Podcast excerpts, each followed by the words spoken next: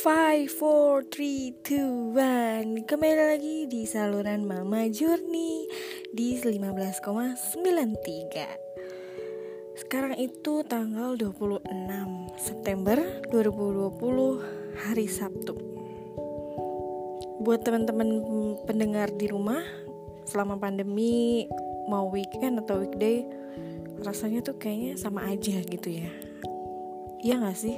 Atau cuma gue doang? Nah, di kesempatan podcast kali ini, gue akan sharing apa yang lagi gue rasain bahwa kehadirannya dulu itu sangat membekas di hati. Saat dulu ada, rasanya kok seperti biasa aja, tapi ketika rasa itu dan jiwanya sudah hilang sekarang sangat amat dikangenin. Kalian tahu nggak sih sebagai anak perempuan itu rasanya nggak melulu soal dimanja dan diturutin loh. Iya karena dari kecil gue sebagai anak bungsu hidup biasa aja sih tapi alhamdulillah cukup ya terasanya orang tua gak melulu manjain dan nurutin kemauan gue. Dan iya betul kok. Kita sebagai manusia gak harus mendapatkan apa yang yang kita mau. Mungkin orang tua mengajarkan itu supaya tahu hidup itu berproses. Di segmen ini gue mau cerita tentang seseorang yang sayang banget sama gue tapi tak menunjukkan namun terasa banget ia itu seorang ayah. Gak tahu udah dua hari ini gue tuh kayak kangen banget sama beliau. Sedih. Kayak ada sesuatu yang hilang gitu. Mungkin karena gue anak bungsu, gue ngerasain itu banget.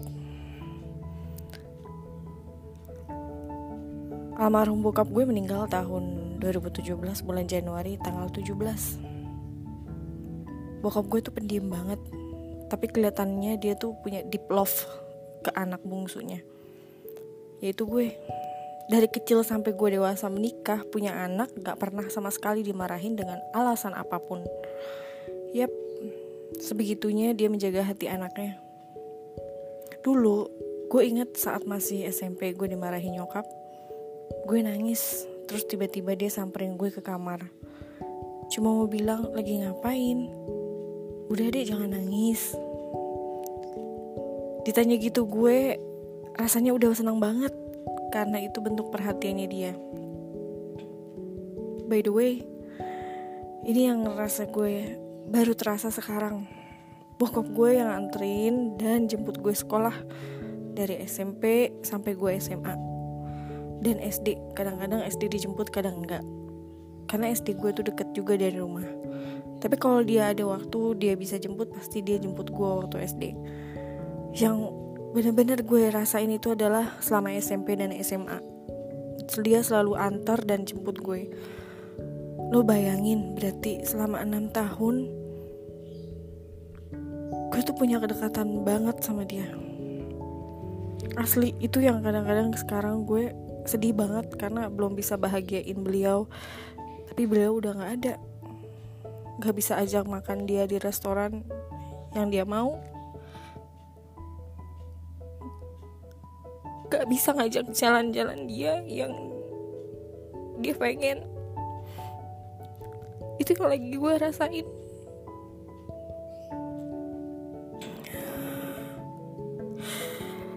Saat gue SMP tiap hari antar jemput gue ke sekolah hujan tetap anaknya tuh dijemput. Makanya gue nggak pernah naik angkot.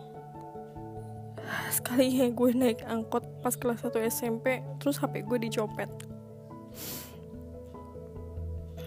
Singkat cerita dua hari berturut-turut kemarin gue lagi cari foto anak gue yang lagi sama bokap. Ketemu tuh filenya.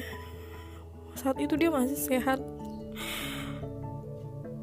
gue langsung keinget banget betapa dia tuh nggak pernah melukai hati gue. Terus beliau udah nggak ada. Belum sempet anak gue gede cucu dari anak bungsunya yang dia tunggu-tunggu. Bokap dipanggil sang halik. Bokap gue meninggal karena komplikasi awalnya batu ginjal terus karena udah bertahun-tahun sakit batu ginjal ya jadi gagal ginjal. Banyak banget yang bilang kalau gue sipit ya karena turunan bokap gue neneknya beliau itu Cina. Sekilas apa yang gue rasain tentang kenangan bersama beliau itu adalah dia gak pernah menyakiti hati gue sedikit pun. Dia selalu mengiyakan apa yang gue bilang dia selalu support gak pernah ada penuntutan sampai gue umur 26 tahun dan ditinggalkan dia.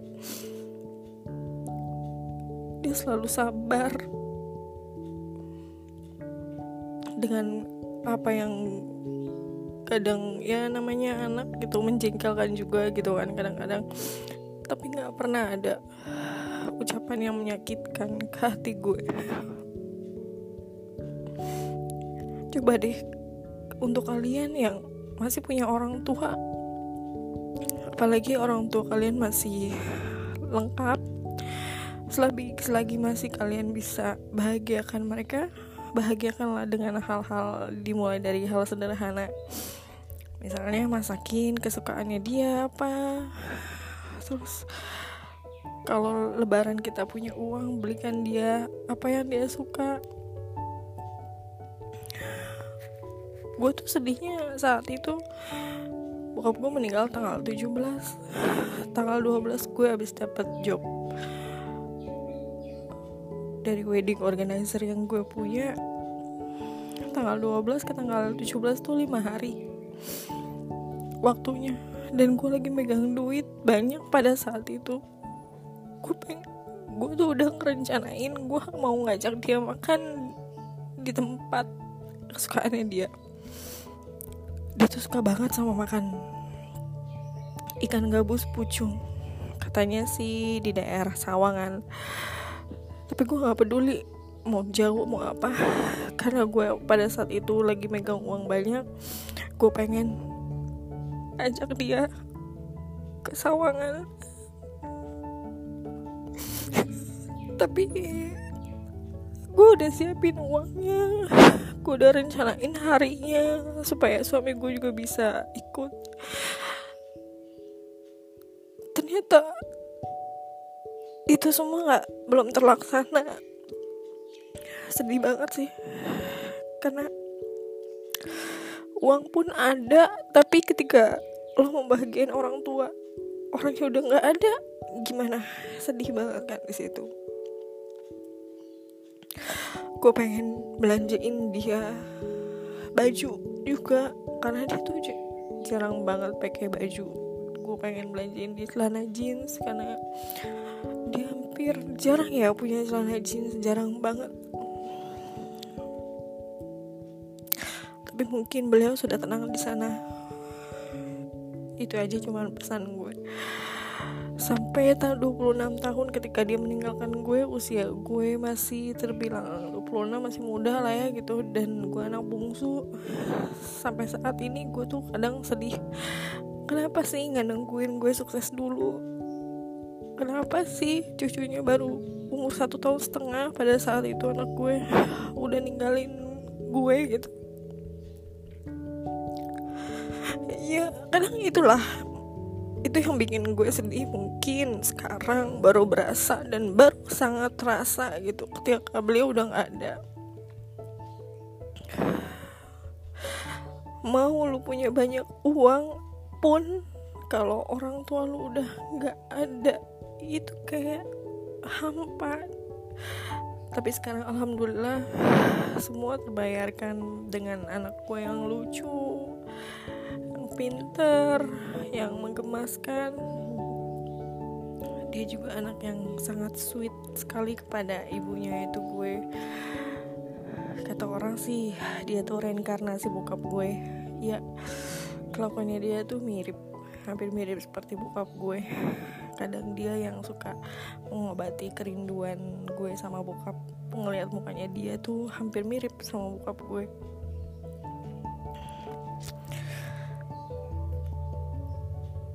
ya kalau lo ada waktu lo kada ada uang sedikit lo cukup bahagiain orang tua lo dengan hal-hal kecil ya guys. Jangan lupa itu. Karena ketika orang sudah nggak ada tapi lo mau kasih uangnya pun tetap nggak bisa kan? Lakukanlah kebahagiaan dari hal-hal kecil ya guys. Selagi lo masih punya orang tua lengkap